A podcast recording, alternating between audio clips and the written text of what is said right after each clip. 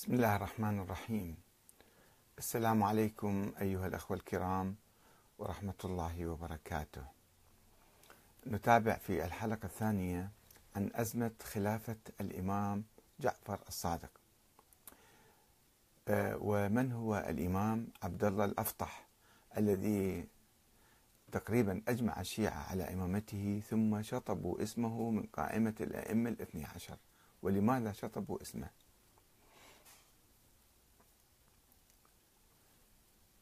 بعد قليل سوف نبدأ الحديث إن شاء الله. يرجى الانتظار دقائق لو سمحتم.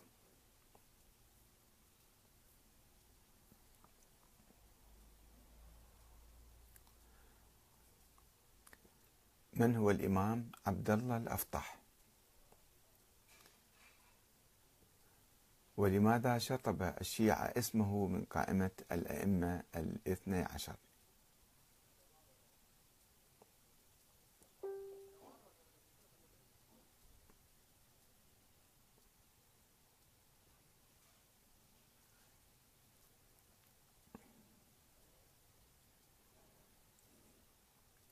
من هو الإمام؟ عبد الله الأفطح. ولماذا شطب الشيعة الإمامية؟ اسمه من قائمة الأئمة الاثني عشر.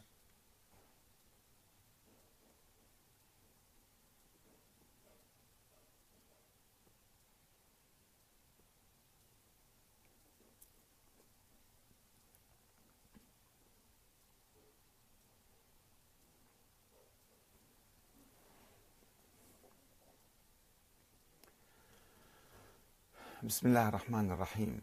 السلام عليكم أيها الأخوة الكرام ورحمة الله وبركاته. أه تحدثنا عن أه أزمة خلافة الإمام الصادق. والشيعة في تلك الأيام كانوا ينقسمون إلى قسمين. شيعة يلتفون حول أئمة أهل البيت باعتبارهم أئمة علماء أبرار مجاهدين ثوار زهداء كرماء أتقياء ورعين تتمثل فيهم كل صفات الخير ولذلك يتبعونهم ويوالونهم سياسيا ويعملون معهم من أجل مكافحة الظلم والجور والعدوان في العالم الإسلامي. وكان هناك فريق صغير يؤمن بأن الأئمة معينين من قبل الله وأنهم معصومون وأنهم تنزل عليهم الملائكة ويوحى إليهم ولديهم علم إلهي لدني من الله تعالى وما إلى ذلك من أقوال. وقلنا أن هاتين النظريتين النظرية الأولى طبعا تحدثت عن هاتين النظريتين في هذا الكتاب كتاب التشيع السياسي والتشيع الديني بتفصيل من أراد أن يراجعه حوالي 450 صفحة. بالتفصيل عن نشوء هذه النظريتين والأدلة التي تدعم كل نظرية. ف النظرة المعتدلة إلى أهل البيت يمكننا أن نقتبس من سيرتهم ومن حياتهم ومن أقوالهم ما يفيدنا في حياتنا اليوم. إذا فهمنا جوهر التشيع لأهل البيت هو مكافحة الظلم والفساد والطغيان. وإلا لماذا؟ الأئمة ليسوا أنبياء. النبي محمد أكمل الدين. في حياته الله أكمل الدين. اليوم أكملت لكم دينكم وأتممت عليكم نعمتي. ورضيت لكم الإسلام دينا. فما هو دور الأئمة؟ دور الأئمة في تنفيذ هذا الدين في تطبيق هذا الدين. وأن الشيعة كان يلتفون حول أهل البيت من أجل أن يحققوا الحق والعدل في العالم. هذه النظرة يمكن أن الآن نحن نطبقها ونسير على هدى أهل البيت. إذا فهمنا جوهر التشيع وإذا فهمناهم لا هم كائنات فوق بشرية. هم أنبياء آه، ملائكة أنصاف آلهة. آلهة مثلا لا سمح الله كما كان يقول الغلاة بعض الغلاة السبائية والخطابية وغيرهم الله حل فيهم مثل المسيحيين ينظرون إلى عيسى. ونؤمن بهم فيساعدون يوم القيامة يشفعون. هذا هو. ما في شيء نترجمه في واقعنا لأن ما فهمنا حقيقة مذهب أهل البيت. فهاتين النظرتان عامة الشيعة كانوا يؤمنون بالنظرة الأولى النظرية المعتدلة أن هؤلاء أئمة علماء أبرار أتقياء ورعين زهاد عباد وإلى ما إلى ذلك. النظرة الثانية المغالية المتطرفة التي كانت تقول الأئمة معينين من قبل الله تعرضت لدى نشوئها. في بدايتها تعرضت إلى هزة عنيفة وتهاوت وانهارت آه، لدى قسم كبير من الشيعة. تحدثنا في الحلقة الأولى عن السليمانية أتباع سليمان ابن جرير الرقي الذي كان يؤمن بنظرية الإمامة الإلهية وعندما أوصى الإمام الصادق أو أشار إلى ابنه إسماعيل ثم مات في حياته سنة 135 20 سنة قبل ما يتوفى الصادق فقالوا أن هذا مو معقول الإمام عنده علم من الله ويعين واحد بعده ويموت هذا الإنسان قبله فإذا هذا مو من الله كان. هذا هو من عنده قال هذا ابني مثلا سيكون بعدي. يعني أمل أو نوع من التوقع طبعا حاول بعض الشيعة فرق أخرى من الشيعة كالإسماعيلية حاولت أن تنفي وفاة إسماعيل حتى تحل المشكلة. قالت لا إسماعيل ما مات والإمام الصادق سوى مسرحية حتى يغطي على على وفاته على هروبه يعني. فصارت الفرقة الإسماعيلية. بناء على هذه الأسطورة أيضا أسطورة عدم وفاة إسماعيل. وفريق آخر قال لا إسماعيل مات ولكن الله غير رأيه. انحلت المشكلة. الإمام الصادق تكلم عن الله تعالى وقال هذا ابني إسماعيل بعدي والله أخبر بذلك. طبعا كيف الله أخبره؟ ما نعرف. هكذا كان يقول الغلاة من الإمامية. أه ومات إسماعيل فالله غير رأيه.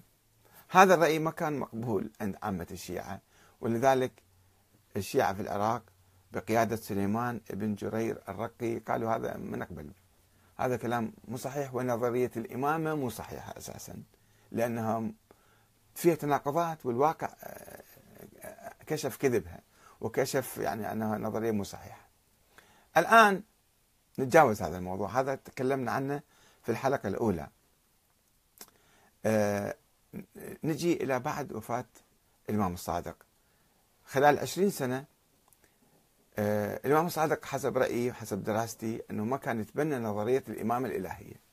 لم يقل أنا معصوم ولا عندي علم من الله ولا يحزن هذا كله كذب في كذب في كذب.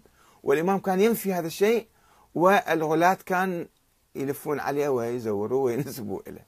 هذا مشكلة الأئمة كانت دائما مع الغلاة. فالإمام الصادق لم يقل هذا ابني من الله. وعندما مات إسماعيل خلص بعد سألوه كان عنده ثلاث أولاد. الأكبر اللي هو عبد الله الأفطح. أكبر أو يسموه أبو عبد الله الإمام الصادق يسموه أبو عبد الله.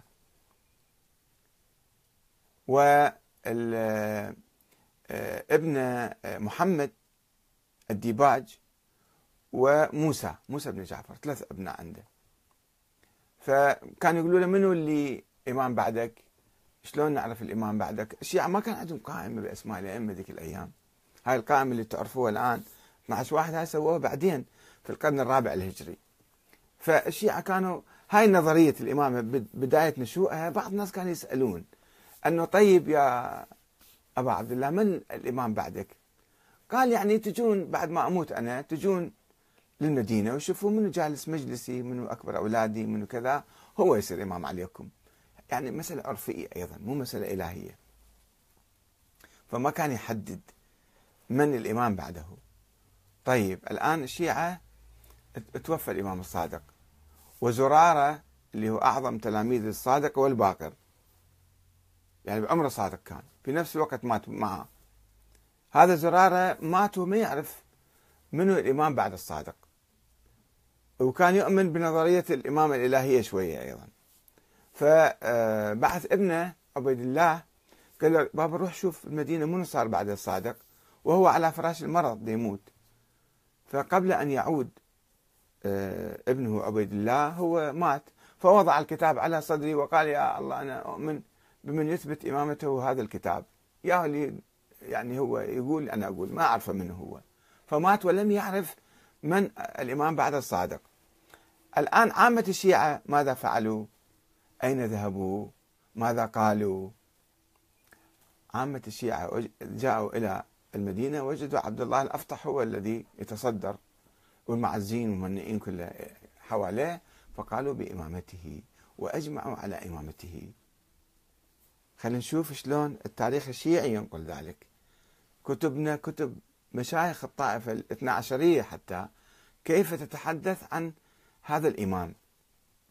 وبعدين نسأل ونشوف لماذا تراجعوا عنه ولماذا شطبوا اسمه بعدين ولماذا انتقلوا إلى موسى بن جعفر وكيف انتقلوا وماذا حدث في تلك الفترة.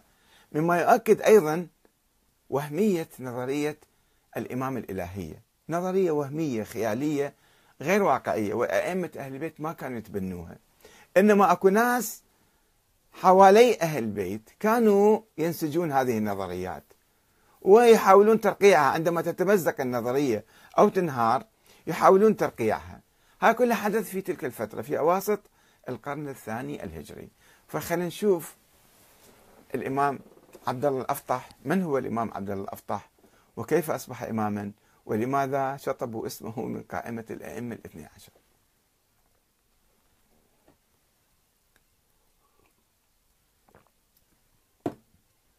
توفي الإمام جعفر الصادق في 25 شوال سنة 148 للهجرة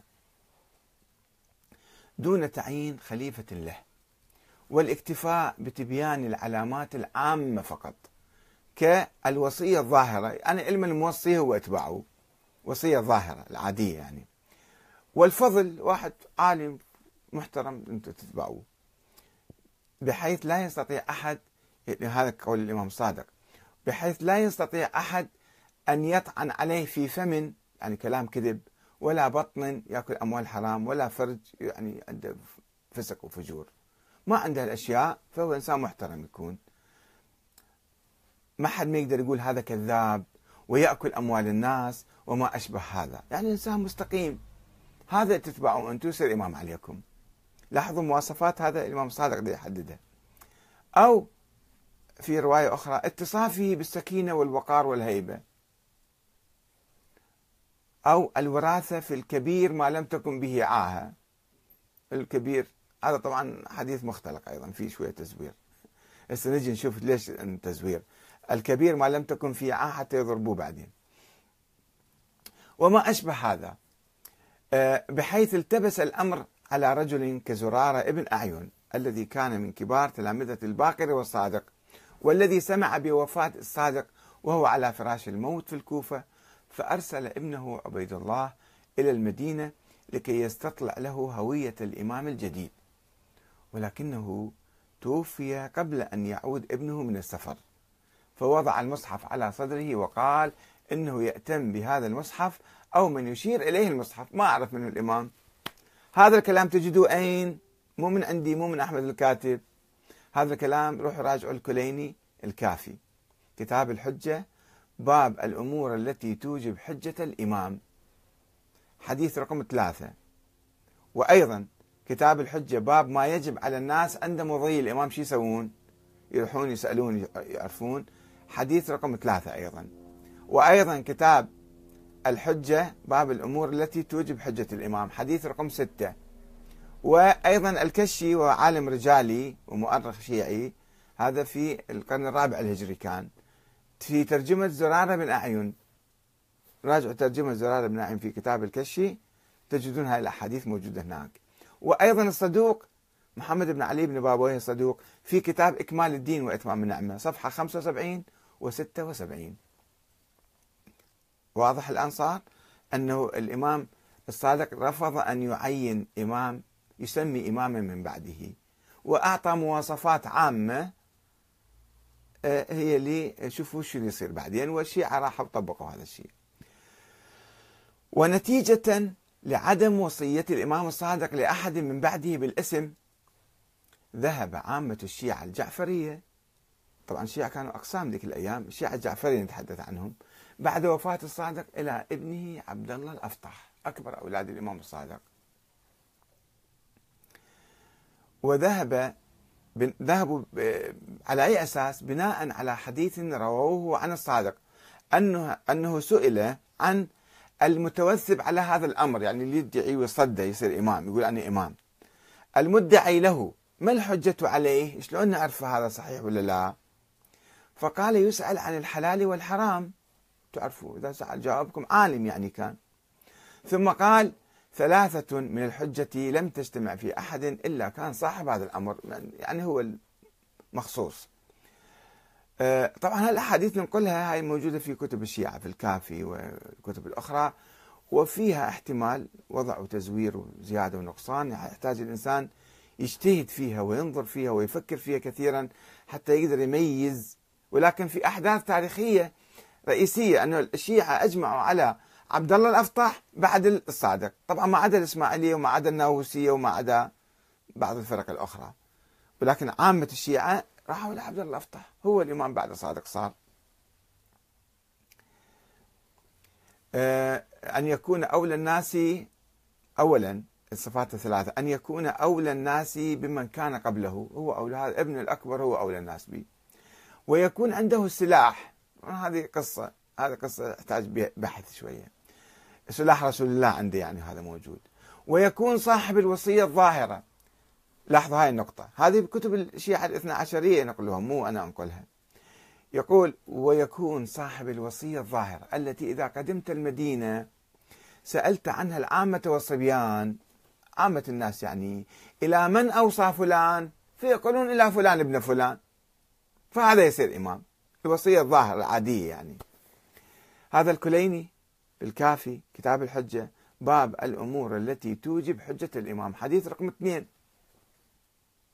تنفيذا لهذا الحديث راحوا الناس شافوا عبد الله الأفطح جالس في مجلس أبوه وهو يقول أنا الإمام بعدي والناس كلهم قالوا هذا هو الإمام.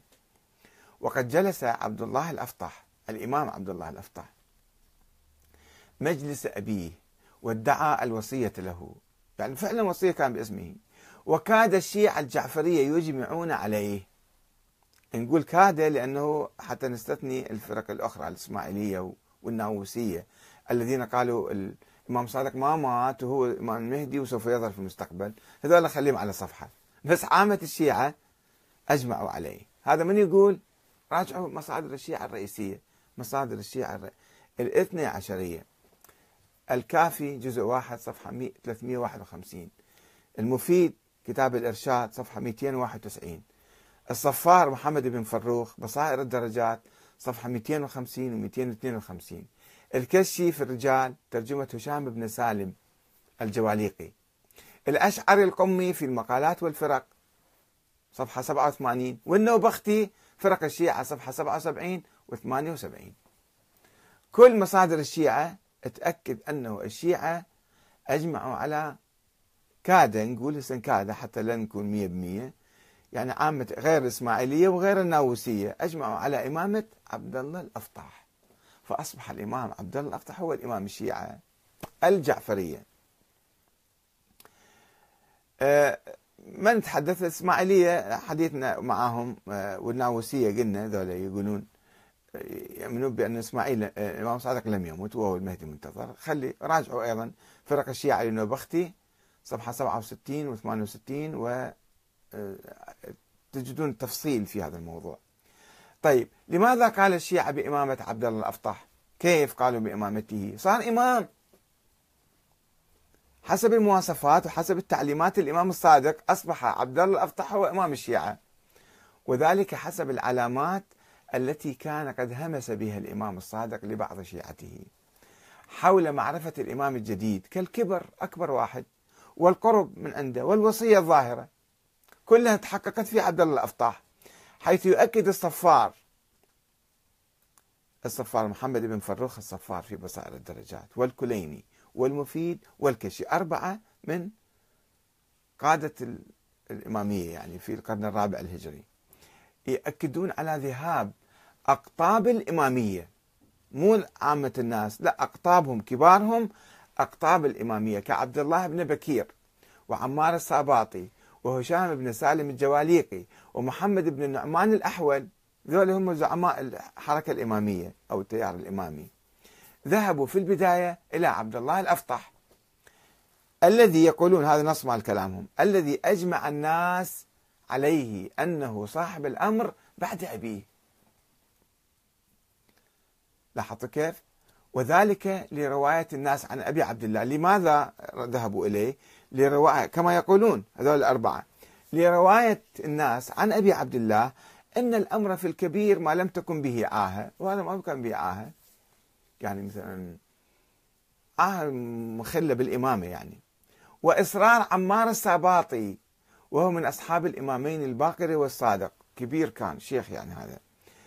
إيه، إصرار آه، عمار الساباطي آه، وهو على القول بإمامته حتى النهاية. ظل يقول حتى عندما تراجع الناس عنه وشطبوا اسمه ظل يقول يصر على إمامته. هذا شيخ الشيعة كان تقريبا من تلاميذ الباقر والصادق. وحسب ما يقول إنه بختي هذا مؤرخ شيعي في فرق الشيعة يقول فقد مال إلى عبد الله الأفطح جل مشايخ الشيعة وفقهائها. جل يعني معظم. جل مو كل شوية أقل من الكل يعني يصير جل. جل مشايخ الشيعة وفقهائها. ولم يشكوا في أن الإمامة في عبد الله بن جعفر وفي ولده من بعده راح تكون الإمامة. تسلسل من الأفطحية ما حد ما شك ما كان يشك بذلك. وروى بعضهم عن الإمام الصادق أنه طلب من ابنه إسماعيل موسى أن يسلم الأمر لأخيه عبد الله ولا ينازعه بكلمة. جابوا أحاديث. صدق كذي بس الله أعلم.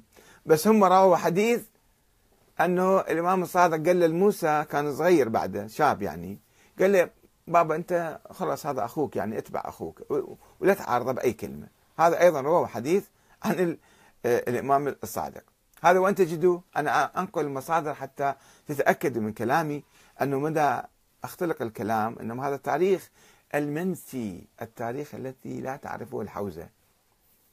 الحوزة اسمحوا لي أقول بس المرة الحوزة الأمية. مو كل الحوزة الحوزة الأمية ما تعرفها في حوزات علمية تعرف هذا التاريخ وتدرسه ولكن الحوزات الأمية التي لا تدرس التاريخ الشيعي فضلا عن التاريخ الإسلامي لا تعرف هذه الحقائق ولا تتوقف عندها ولا تفكر فيها ولا تتأملها. فهذه كتب التاريخ الشيعية كلها تؤكد وين هالكتب؟ أقرأ لكم إياها الآن بالصفحة وبالكتاب. الكليني لاحظتوا كيف أصبح الإمام عبد الله؟ أفتح هو إمام الشيعة الآن.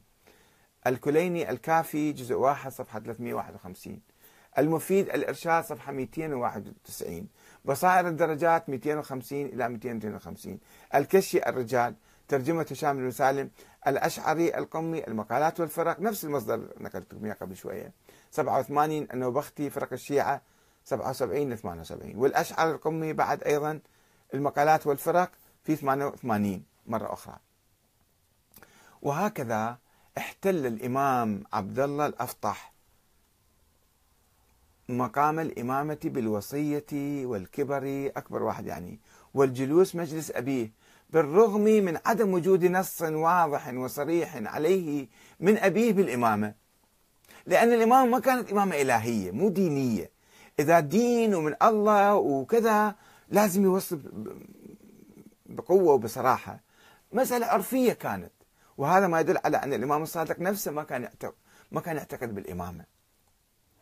لو كان يعتقد بالإمامة كان أوصى إلى أحد بصورة صريحة. ومو خايف من أحد.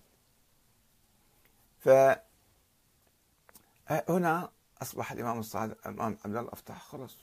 بصورة عادية وسلسة هو أصبح إمام الشيعة. ولكن الأفطح لماذا الآن؟ سحبوا اسمه بعدين وشطبوا اسمه. وقسم من الناس شطبوا؟ قسم ظلوا مصرين عليه؟ أنه خلص هذا صار إمام وانتهى الموضوع.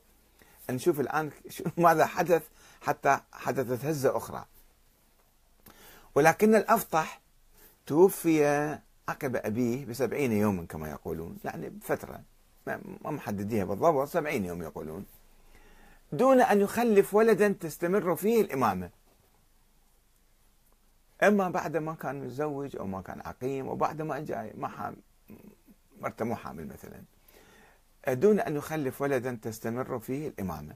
مما ولد صدمة جديدة في صفوف الإمامية. ذول اللي كانوا يعتقدون الإمامة من الله ولازم تستلسل واحد بعد واحد إلى يوم القيامة. الذين كانوا يؤمنون بقانون التوارث العمودي. ويقول لك شلون ما عنده أولاد ومات ما عنده ولد؟ صاروا في حيره من أمرهم. فعلا. هم مؤمنين في نظرية خيالية ووهمية ودائما يقعون في مطبات. وقعوا بمطب جديد الآن. فقام بعضهم بشطب اسم الافطح من قائمة الأئمة. قال خلاص ما دام ما عنده ولد تبين إحنا غلطانين بالنمرة إحنا مشتبهين.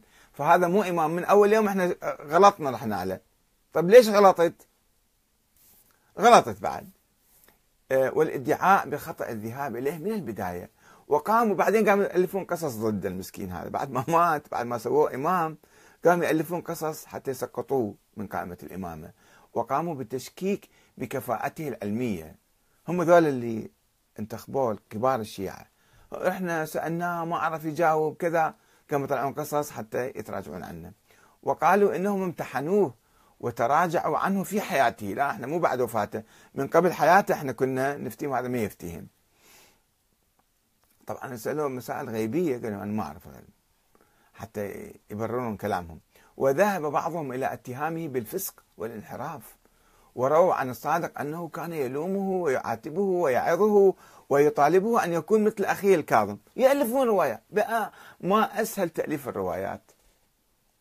ناس كذابين دجالين كانوا موجودين ويألفون ما يشتهون من الروايات.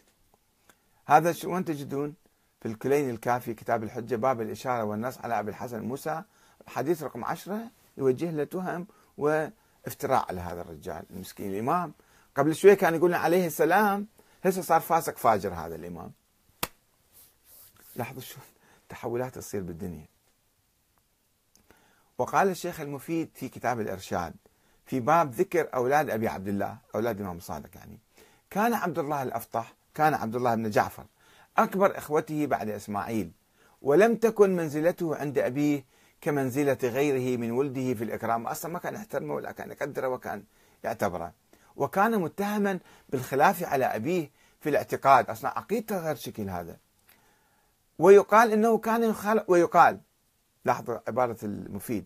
ويقال أنه كان يخالط الحشوية ويميل إلى مذهب المرجئة وادعى بعد أبيه الإمامة واحتج بأنه أكبر أخوته الباقين.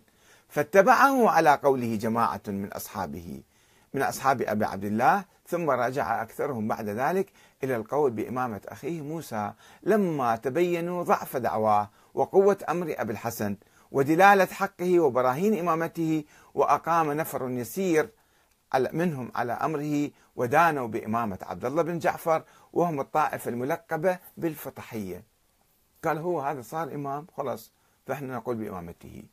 طبعا هنا الشيخ المفيد يزور التاريخ.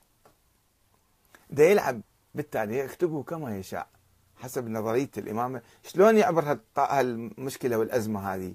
ليش الشيعة راحوا إلى عبد الله الأفطاح وبعدين صارت أزمة وكذا حتى يعبرها بدأ يكتب كما يشاء. وخلينا نشوف واحد آخر شنو يقول. بس هو يعترف في نفس الوقت بدي يسب عبد الله الأفطاح يعترف أنه أكو ناس من الشيعه وطبعا هم هو ذكر وآخرين ذكروا أنه كبار الشيعة راحوا إليه. بعدين يقول لا هو من أول يوم كان موزي الإمام صادق كان ضده هو ضد الصادق. يختلقون يتناقض. هو يقول عامة الشيعة ذهبوا بعد شوية يقول لا هو كان مزين من أول يوم كان مزين. بكل سهولة حتى حتى يشطب اسمه يمسح تماما. ويقول بعض الناس بقوا اسمهم فطحية وهم علماء من الشيعة أيضا. بقوا مؤمنين بإمامته قالوا ما دام هذا صار إمام بعد. ليش نشطب اسمه؟ تدخل روح لأخوه موسى بن جعفر. في الفطحية كانوا يقولون كذلك. ما في مشكلة عندنا. إذا هي مشكلة ما عنده أولاد بنروح إلى أخوه تنتهي المسألة. وقال الكشي الذين قالوا بإمامته عامة مشايخ العصابة وفقهائها. يقصد بالعصابة يعني الشيعة. يعني كانوا هم حزب يعني أو العصابة مو بعصابة مفهوم من اليوم لا عصابة كانوا يعنون بها يعني الشيعة. وقال الكشي هذا عالم رجالي في القرن الرابع يقول الذين قالوا بإمامته عامة مشايخ عامة مشايخ العصابة وفقهائها مالوا إلى هذه المقالة فدخلت عليهم الشبهة. مساكين ذلك اشتبهوا دخلت عليهم الشبهة. لما روي عنهم عليهم السلام الأئمة السابقين يعني. أنهم قالوا الإمامة في الأكبر من ولد الإمام إذا مضى. لاحظوا كيف؟ لا معجزة ولا علم غيب ولا نص ولا وصية. يا أكبر الأولاد هو يصير إمام. ثم منهم من هؤلاء الناس من رجع عن القول بإمامته لما امتحنه بمسائل من الحلال والحرام لم يكن عنده فيها جواب. ما كان يفتهم هواية هذا مسكين. راح نسأل علمائنا بالمسائل الحلال والحرام مراجع كبار وما يعرف يجاوبنا. نقول هذا مو مرجع صار. ذيك الأيام كانوا شوية مرنين أكثر. ولما ظهر منه من الأشياء التي لا ينبغي أن تظهر من الإمام. كان عنده أعمال مزينة اتهامات اتهامات باطلة. ثم إن عبد الله سعيفنا من هالاتهامات هو اللي يقول هذا الشيخ الكشي. ثم إن عبد الله مات بعد أبيه بسبعين يوما. ارتحنا من عنده فرجع الباقون إلا شذاذا منهم. عن القول بإمامته إلى القول بإمامة أبي الحسن موسى موسى الكاظم يعني. ورجعوا إلى الخبر الذي روي أن الامامه لا تكون في الأخوين بعد الحسن والحسين. هذا خبر شعار إشاعة كانت. لا حديث نبوي ولا آية قرآنية ولا حديث ثابت عن الأئمة فت كلام. الإمامة لا تكون في أخوين بعد الحسن والحسين طيب والآن شنو صار؟ فعبد الله أفتح ورجعنا لموسى فإذا لازم نمسح اسمه. إحنا كنا غلطانين بالنمرة ما يصير. إذا أخذنا بإمامة موسى بن جعفر لازم نشطب ذاك. وبقي شذاذ منهم على القول بإمامته. يعني انقسموا الناس. يعني قسم قالوا آه، نشطب اسمه وقسم قالوا لا. خليه هو إمام صار ونروح لموسى بن جعفر ومو مشكلة. إذا ما عنده أولاد ما يصير روح إذا عنده أولاد ما يصير يروح لأخوه. بس إذا ما عنده أولاد ما في مشكلة يروح لأخوه. فجمعوا بين الأخوين سموهم الشيعة الفطحية. الشيعة الفطحية يعني صاروا بالحقيقة ثلاث أقسام. هسه نجي نتحدث عن الأقسام الأخرى. آه، وبقي وبعد أن مات قالوا بإمامة أبي الحسن موسى الكاظم وروي عن أبي عبد الله أنه قال لموسى يا بني شوفوا شلون الروايات كل ساعة في الرواية حسب الحاجة يسوون حسب الحاجة يخترعون الروايات. وروي أنه عن من رواه ما يجي بالسند أيضا. وروي عن أبي عبد الله أنه قال لموسى يا بني إن أخاك سيجلس مجلسي ويدعي الإمامة بعدي فلا تنازعه بكلمة. هذه سابقا رووها. فإنه أول أهلي لحوقا بي. الإمام صادق كان عنده علم غيب وراح يعرف وكان يعرف أنه عبد الله راح يموت بعده بشوية. قال له أنت أصبر لا تتولى الإمامة لا تصد لا تنافس أخوك. خلي أخوك يصير إمام وبعدين أنت توصل إليك. ركبوا أضافوا على الرواية السابقة فإنه أول أهلي لحوقا بي. وهذا كذب. الإمام صادق لا يعلم الغيب ولا هم يحزنون. ما يفكرون هو هذا كشي حتى اللي هو دي, دي يبحث بالرجال. وعنده كتاب حول الرجال وده ينقل الروايات وما يفكر الإمام الصادق شلون عنده علم غيب حتى يتكلم الرواية ومنو هذا الراوي وهذا صادق ولا مو صادق فما يجي باسمه وينقل عنه الرواية. الكشي في ترجمة عمار بن موسى الساباطي تجدون هذا الحديث هناك. ف عملية الاختلاق كانت واسعة جدا وقام الإمامية باختلاق رواية عن عيسى بن عبد الله بن عمر بن علي بن أبي طالب. أنه سأل أبا عبد الله عن الإمام بعده فأومأ إلى ابنه موسى يقول أنا سألت من الإمام بعدك؟ فأومأ ما صرح أومأ. هي الإمامة بالإيماء؟ لو بالتصريح إذا من الله؟ هذا كما يقول الكليني. دير رواية الله أعلم صدق هذا آه، عيسى بن عبد الله صحيح؟ روى رواية أو لا؟ يروه عن الكليني الكافي كتاب الحجة باب ثبات الإمامة في الأعقاب. وأعقاب الأعقاب حديث رقم خمسة. ليش يجيبون الحديث هذا؟ وذلك في محاولة منهم لإثبات عدم شرعية الأفطح في الإمامة منذ البداية. لأنه ما عنده عقب فهذا مو إمام. لاحظوا كيف أنه صاروا ينسجون روايات ضد الإمام عبد الله الافتح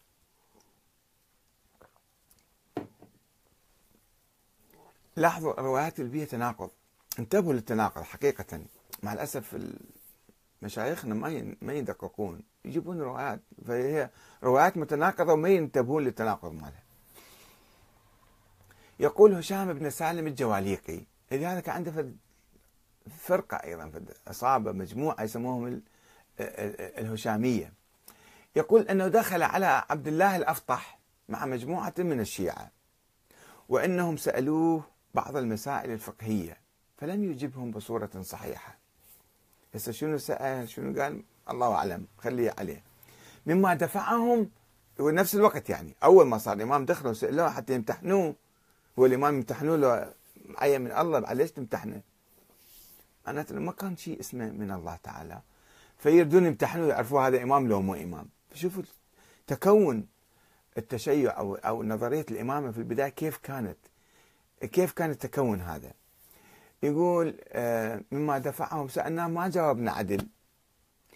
مما دفعهم إلى التشكيك بإمامته والخروج من عنده حيارى ضلالا هو يقول فقعدنا في بعض أزقة الكوفة باكين حيارى لا ندري إلى أين نتوجه ولا من نقصد من ندري صار إمام بعد. هذا الإمام ما يفتي طلع فشو نسوي الآن؟ صرنا ظلال حيارى يفترون بالأزقة ويبكون فعلا صورة فيلم هندي تقريبا. يقول ونقول إلى إلى المرجئة إلى الزيدية إلى المعتزلة إلى الخوارج. وين نروح؟ وين وجهنا ما ندري وين نروح. فنحن كذلك إذ رأيت رجلا شيخا لا أعرفه يومئ إلي بيده. الحقني. فقال لي ادخل رحمك الله فدخلت في البيت فإذا أبو الحسن موسى موسى بن جعفر قاعد بالبيت دز عليه مذول عرفهم بالشارع يبكون وحيرانين فقال له تعال. آه، طبعا القصة هي لازم تكون في آه، المدينة هو يقول في الكوفة الآن الرواية تقول. هذه نقطة اشتباه من الراوي يمكن. آه، أو من الناقل. فيقول أنه قال لي رأسا. فقال لي ابتداء منه عند الإمام يعني هذا يكون إمامة موسى بن جعفر بعلم الغيب. أنه هذا الإمام الصحيح. ليش؟ لأنه عنده علم غيب. إحنا كنا نفتر بالأش... بالأزقة ونبكي وحيرانين وما ندري وين نطي وجهنا وإذا الإمام موسى بن جعفر دز واحد شا... شيخ شايب ما نعرفه. قال له تعالوا دخلت فشنو قال لي الإمام موسى الكاظم؟ فقال لي ابتداء منه لا إلى المرجئة ولا إلى القدرية ولا إلى الزيدية ولا إلى المعتزلة ولا إلى الخوارج إلي إلي إلي تعالوا إلي أنا الإمام. قلت بعدها ما تأكد هذا صاحبنا هشام بن سالم الجواليقي. قلت جعلت فداك مضى أبوك أبوك مات لو ما مات بعض الناس يقولون ما مات. قال نعم. قلت فمن لنا بعده؟ فمن لنا من بعده؟ قال إن شاء الله أن يهديك هداك. إذا الله يهديك راح يهديك. قلت دي يتكلم بغموض. هو قال لي إلي إلي وبعدين دي يتكلم بغموض. شلون؟ وعنده علم غيب يقول ما ما أعرف.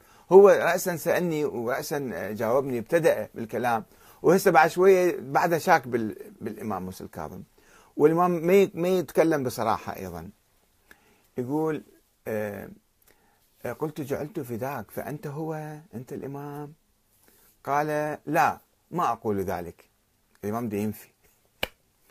إمام هو صار إمام من الله ودي ينفي لا أقرب الشيعة وأكبر كبار علماء الشيعة. قلت فقلت في نفسي لم أصب طريق المسألة ما قدرت أسأل سؤال ذكي يعني. ثم قلت جعلت فداك. عليك إمام أنت أكو واحد يعني فوقك. قال لا قال لا ما عندي فدخلني شيء لا يعلمه إلا الله إعظاما له وهيبة. شوف شلون يصور الفيلم.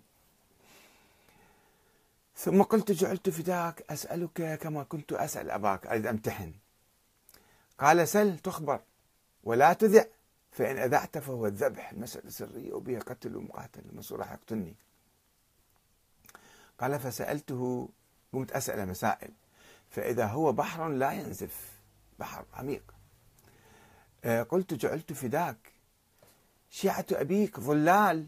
الشيعة ما يعرفون من الإمام صايرين ضالين فألقي إليهم هذا الأمر وأدعوهم إليك. أروح أقول لهم هذا ترى الإمام صاير. فقد أخذت علي الكتمان. قلت تتكلم. قال من آمنت منهم رشدا فألقي إليه. وخذ عليه الكتمان.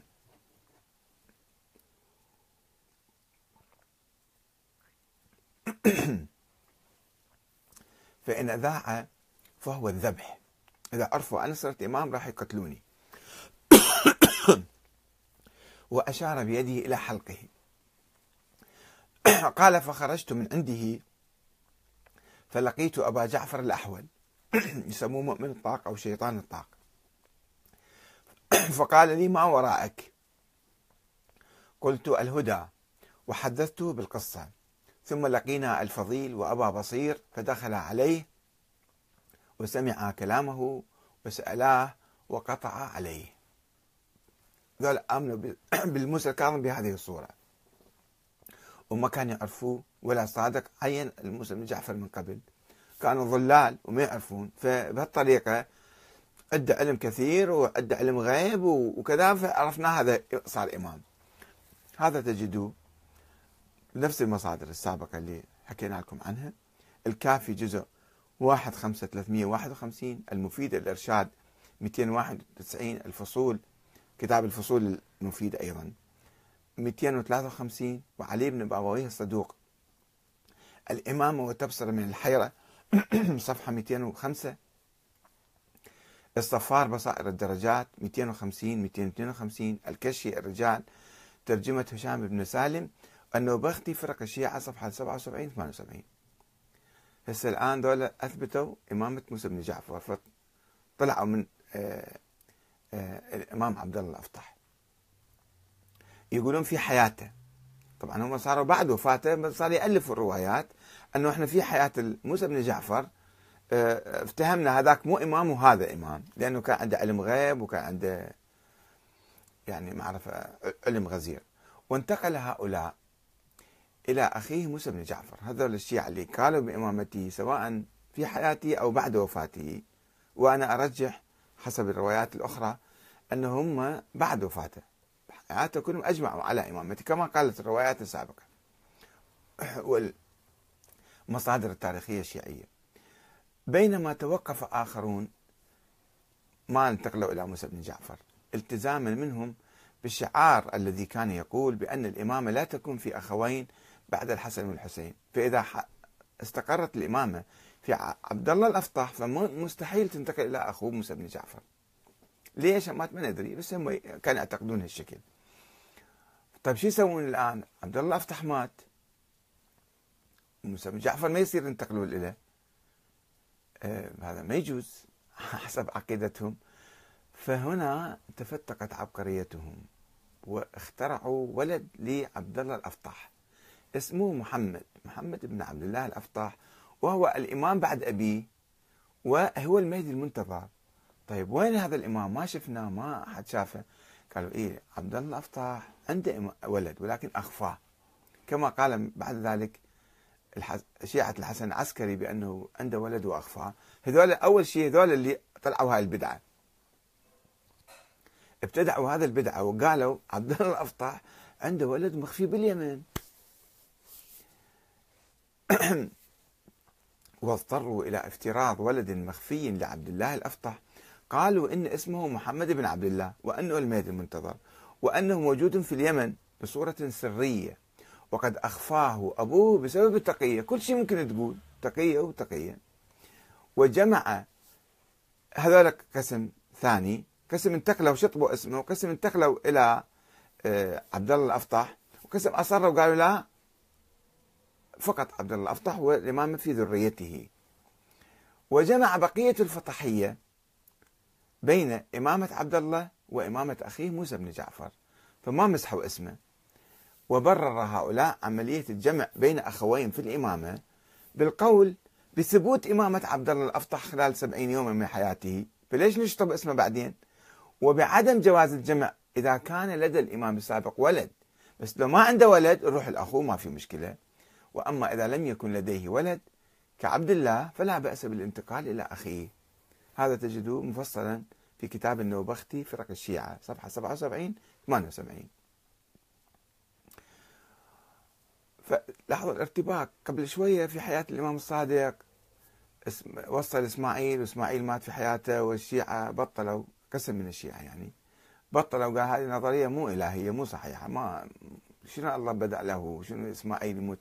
في حياته وهذا فقالوا هذا كله كلام. لا بدأ له ولا يحزنون. بطلوا. جينا على عبد الله سال الإمام خلال 20 سنة التالية منو الإمام بعدك؟ ما كان يقول. لأنه مو في شيء مهم ولا إمامة من الله فالإمام الصادق هو ما كان متبنية. هذه هي عقيدة الإمام الصادق. مسألة عرفية اعتيادية. ابنه صار عبد الله الأفطاح. بس دول الإمامية عندهم عقول مركبة. كل شيء قام يحللوه ويركبوه ويألفون روايات حتى يمشون نظريتهم. ف وقسم قالوا ذول الباطنيين قالوا اسمع الإمام الصادق ما مات هو هو المهدي المنتظر. سوف يخرج في المستقبل. وقد ساهم الارتباك الذي حصل في خلافة الصادق سواء بسبب عدم كفاءة الأفطح علما وورعا كما يقولون أم في وفاته بسرعة دون عقب. ساهم هذا الارتباك في التشكيك بنظرية الإمامة الإلهية وتعزيز منطق التشيع السياسي. من صعد هنا التشيع السياسي صار هو الأقوى مو التشيع الديني. التشيع الديني كان وهمي ما له وجود ما له حقيقة. التشيع السياسي الالتفاف حول البيت هو هذا الشيء الزبدة اللي ناخذها من عندهم. أو التشيع العلوي نسميه التشيع السياسي التشيع العلوي الحسيني. الذي يؤكد على الطبيعة السياسية العادية للإمامة. مو هي إمامة من الله. ويرفض الطابع الديني الإلهي المدعى بها أو مدعى لها مما أدى إلى شعور أقطاب النظرية الإمامية. وحتى المتكلمين منهم كانوا يتكلمون ذولا المتكلمين يسمون فلاسفة منظرين كهشام بن سالم الجواليقي وأبي جعفر الأحول المعروف بمؤمن الطاق أو شيطان الطاق هذولا أصيبوا بالحيرة والضلال والبكاء من شدة الأزمة. ما أنتم مسويكم نظرية خيالية وهمية وقعدتوا في أزمة بعدين. لما شافوا الإمام ما عرفوه فقاموا يبكون يلطمون على رأسهم. هم يقولون هشام بن سالم يقوم يمشي نمشي بالشارع ونلطم على رأسنا. كما يقول الجواليقي ولم يجدوا ما يعينهم على الخروج من الأزمة سوى اللجوء إلى المنطق الأسطوري والباطني مرة أخرى. والغلو في ادعاء معرفة الإمام الكاظم بالغيب ودعوتهم إلى إمامته بصورة سرية مو علنية يعني الإمامة كلها ما كانت علنية هم ذول المتكلمين هم ذول اللي اختلقوا نظرية الإمامة. وركبوها على أهل البيت وادعوا ادعاءات أنه كانوا يقولون لا تقولون عنه لا بس أربعة خمسة كانوا يعرفون.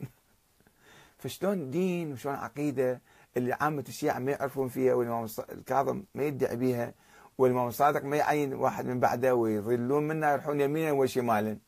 كل هذا يثبت أن هاي النظرية تهاوت انهارت. تبين أنها نظرية خيالية وهمية مخترعة. ما لها علاقة لا بأهل البيت ولا بالله ولا برسوله. لا بالقرآن الكريم ولا النبي متحدث عنها ولا ولا وجود قائمة. لا لاحظوا. إذا تدرسون هاي المرحلة التاريخية تسألون طيب وين القائمة اللي كان النبي قايلها ونزلت بلوح من نور كما يقول الشيخ الصدوق بعدين لوح من نور أسماء الأئمة ال 12 كلها مكتوبة به، طيب ليش دول عامة الشيعة وكبار الشيعة وفلاسفة الشيعة وفقهاء الشيعة ومتكلمين الشيعة ما يعرفون الإمام بعد الإمام منه؟ إما يعني إنه هاي نظرية وهمية هم بده يصطنعوها وبده هذا. ويشير عبد القاهر البغدادي هذا مؤرخ مال الفرق الفرق بين الفرق يقول يشير إلى انقسام الجعفرية إلى عدة فرق أخرى. هي الهشامية. صاروا كل واحد فرقة يتكلم. أتباع هشام بن الحكم أو فرقة هشامية أخرى أتباع هشام بن سالم الجواليقي. والزرارية أتباع زرارة بن أعين. والشيطانية أتباع شيطان الطاق أبي جعفر الأحول. والكاملية أتباع أبي كامل. وصار كل واحد يقول فد كلام لأنه فالشيء مو مبني على قرآن ولا مبني على أحاديث نبوية ثابتة ومتواترة. ولا أحاديث صريحة وصحيحة وصادقة من أهل البيت فيقعون بهذا المطبات يتفرقون بعدين. يتفرقون كل واحد يبتدع من نفسه كلاما يحلو له. الآن إحنا هذا الفرق بين الفرق في صفحة 17 يذكر هذا الشيء أن التفرق لهذا. الآن إحنا ما هي علاقتنا بأهل البيت؟ كيف يمكن أن نحبهم نواليهم؟ هل هم يديرون الكون مثل ما يقول الشيخ علي القرآني. الأئمة كانوا يديرون الكون وهم سكرتارية مال الله ومساعدين لله تعالى. هذول الغلاة المفوضة هكذا يعتقدون. أو أنصاف آلهة شنو هم؟ فوق الملائكة فوق الأنبياء فوق الكذا فوق البشر. أم ناس عاديين. علماء أبرار كانوا. وثوار ومناضلين من أجل الحق والعدل والحرية. هذا اللي إحنا نقدر نفتهمه من عندهم. ونطبقه في حياتنا اليوم. غير هذا يصبحون أصنام ما يمكن إحنا نعبدهم من دون الله تعالى. ما يمكن نستفيد من عندهم. ما يمكن نتفاعل معاهم. أصنام متحجرة أحجار لا يضرون لا ينفعون. أما إذا فهمنا جوهر التشيع وفهمنا حقيقتهم راح نستفيد من علومهم ومن سيرتهم من دون غلو من دون مو شرط يكون الإمام علي يكون منصوص عليه من الله ولا ما منصوص؟ هو بحد ذاته هو جوهرة. الإمام الحسين مو شرط يكون منصوص عليه من الله. هو قام بحركة ثورية وضحى بها بأولاده وأصحابه ونفسه في سبيل الله في سبيل الأمة. إنما خرجت لطلب الإصلاح في أمة جدي. فليش إحنا هواي نقع بخرافات الغلاة وأساطيرهم وبالتالي نحول الأئمة إلى أصنام. ما ما يمكن نتفاعل معاهم. ولا نفتهم جوهر رسالتهم وجوهر حياتهم وجوهر أقوالهم. فأنا أدعوكم حقيقة وأدعو الحوزة العلمية إلى أن تدرس بعمق تاريخ أهل البيت تاريخ التشيع تاريخ تكون التشيع الديني. ووقوعه في مطبات وتحديات واجهته ووصوله إلى طريق مسدود وانقراضه. انقراضه في التاريخ ما له وجود ما له حقيقة. خلينا ندرس تاريخ التشيع السياسي حتى نعرف كيف نسير على هذا التشيع على خطى هذا التشيع ونستفيد من عنده في حياتنا اليوم. مو فقط يشفعون الأئمة في الآخرة. خلينا نعمل عمل صالح وما يحتاج واحد يشفع عنا. لماذا نرتكب الذنوب والأخطاء وبعدين نقول الأئمة يشفعونا ودفنونا بالنجف حتى لا يجي منكر ونكير ويضربنا بتشاكوش على راسنا. ما يحتاج الأفكار كلها ما نحتاج لها نحتاج نكون عمليين. شيعة على خطأ أهل البيت عمليين. الآن إحنا ننتخب حكومتنا. مو هاي شوفوا هاي النظرية التشيع الديني. ألغت نظرية الشورى. قلنا أن الأئمة الله عينهم. وبعدين وصلنا إلى حسن العسكري ما عنده ولد. قلنا افترضنا وجود ولد له وهو إمام معين من قبل الله وهو غايب. وإحنا شو نسوي الآن؟ روح ناموا ببيوتكم. أما إذا فهمنا لا. أئمة أهل البيت كانوا يؤمنون بالشورى. كانوا عقلانيين. عقلاء كانوا حسب الطبيعة الإنسانية. والشورى هي النظرية السياسية مال أهل البيت وهي النظرية المعقولة اللي يمكن تطبق في كل زمان ومكان. وإحنا الآن تنطبق هاي النظرية. إحنا الآن عندنا نظام من صنع أيدينا. الإمام منتخب بأنفسنا. إمامنا الآن المعاصر. أي إمام كان. ولذلك فنحن آه، يجب أن نحاسب هذا الإمام ونراقبه ونطالبه بحل مشاكلنا. مو نروح نطالب القبور الأموات تعالوا حلوا مشاكلنا. باب الحوائج باب الحوائج. ملايين راكضين إلا موسى بن جعفر. عمي روحوا للمنطقة الخضراء طالبوهم بحل مشاكلكم حتى يقضون حوائجكم. لا تحطوها على الأموات. موسى بن جعفر ما راح ي... لا تلوموا إذا ما حل مشاكلكم. كل واحد عنده قائمة طويلة من مشاكل. بدل ما يروح يطالب. شوف المسألة يعني شلون اتجاه عقلي واتجاه لا عقلاني. خلي نروح نطالب النواب. نطالب الحكومة بحل مشاكلنا. مو نطالب الإمام موسى بن جعفر الخطية نايم بقبره تعال قم حل مشاكلنا. شلون يحل مشاكلك هو؟ خلي شوية عندنا عقل. حتى نحل مشاكلنا بعقل ونتبع أهل البيت بصورة صحيحة وندرس مذهب أهل البيت ونعرفه على حقيقته حتى نقدر نستفيد من عنده. ما نظل عايشين في الخرافات والأساطير إلى أن ندمر حالنا. إلى هنا والسلام عليكم ورحمة الله وبركاته.